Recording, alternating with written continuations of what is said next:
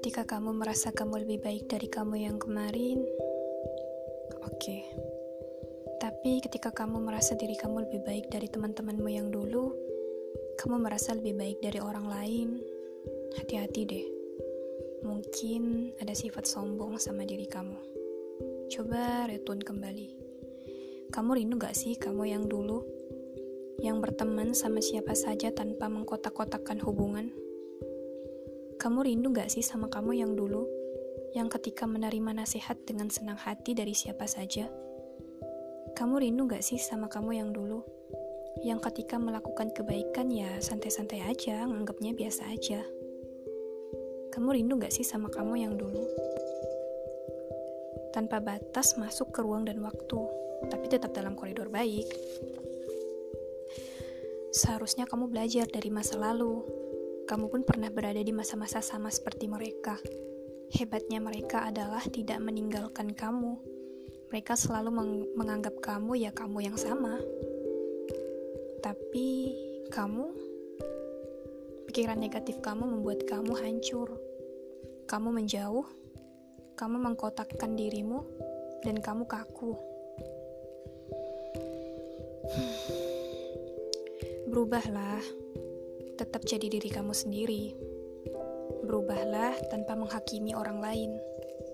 Berubahlah dan jangan sampai perubahanmu membuat kamu jauh dari orang-orang yang menyayangimu.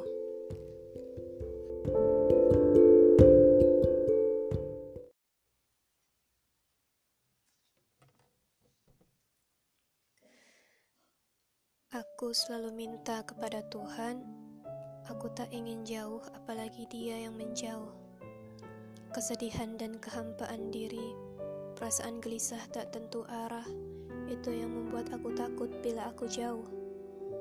Apa pun keadaan yang telah Tuhan tetapkan, aku selalu berusaha menganggap ini caranya supaya aku dekat dengannya. Dengan mengharap retonya, sedih ini mulai surut, tak pantas untuk kecewa apalagi marah. La tahzan, jangan bersedih wahai diri. Sungguh ini cara Tuhan supaya kau selalu dekat supaya kau tak jauh-jauh darinya. La tahzan, jangan bersedih wahai diri. Sungguh bila kau redha dengan ketentuannya, semoga Tuhan redha pula kepada engkau.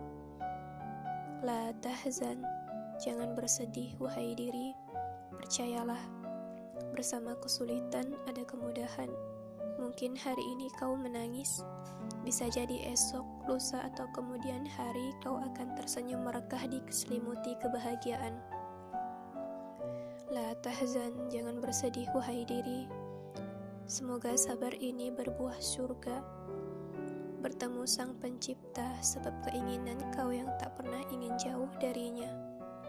Jangan bersedih, jangan berduka, jangan menyerah. Itu tanda Allah lagi perhatian sama kamu. Bisa jadi orang yang paling mulia di hadapannya adalah orang yang paling banyak diuji dalam hidupnya. La tahzan, jangan bersedih lagi, wahai diri.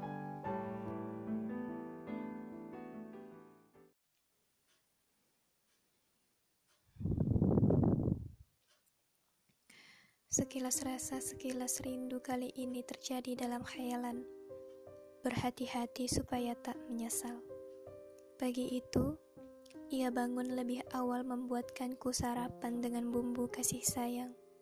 Seperti biasa, aku memasukkan nutrisi dalam perut kosong yang semalaman ku anggurkan. Tak ada basa-basi yang keluar, ia memerhatikanku dengan senyum bahagia karena masakannya habis kulahap. Siang hari, aku kembali memberi nutrisi untuk menambah energi. Basa-basi waktu itu memang jahat. Aku langsung menagih janji yang bukan pada waktunya. Dengan mimik wajah bingung, ia berusaha menjelaskan, namun aku selalu memotong penjelasannya.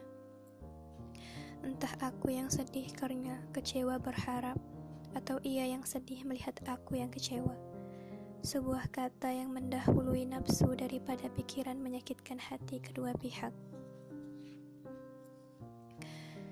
Diam, tak enak merasa bersalah.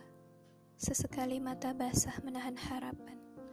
Barulah sadar yang salah adalah ia yang telah menaruh harapan pada manusia. Lupa sudah berapa banyak pengorbanan yang dilakukan hanya karena janji yang tak ingin diingkari. Aku patahkan hatinya. Waktu berlalu, akhirnya apa yang aku inginkan di depan mata. Proses yang panjang sampai pada titik menang. Kemenangan ini untuknya yang selalu berkorban dan berdoa di balik proses yang panjang. Bayang-bayang indah melihat ia tersenyum lebar bahagia. Bayang-bayang, ya, hanya bayang-bayang. Terlambat, aku terlalu fokus meraih sesuatu sampai lupa membahagiakan ia dalam hari-hariku kemarin. Kini, ia ada dalam dekapan pencipta. Aku tersenyum memeluknya melalui perantara sebuah batu yang berdiri tertulis namanya dan bilang, ini untuk ia yang pernah aku sia-siakan.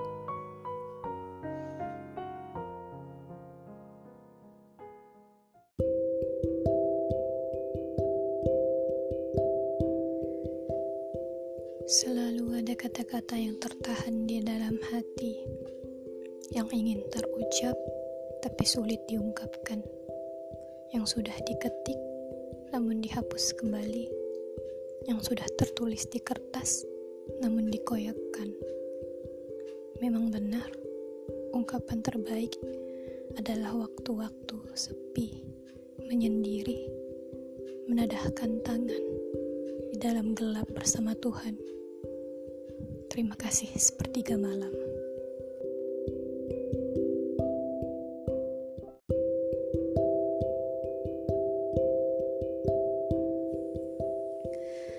Kecewa itu pasti.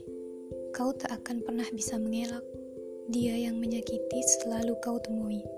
Bahkan mudah terindikasi kejadian itu terulang kembali. Itulah sebab terciptanya sabar. Itulah sebab terciptanya hikmah dan pelajaran. Bangkitlah, kau harus selalu siap dan kuat menghadapinya selama kau masih hidup. Sebentar aja kok, gak lama. Gak apa-apa kan?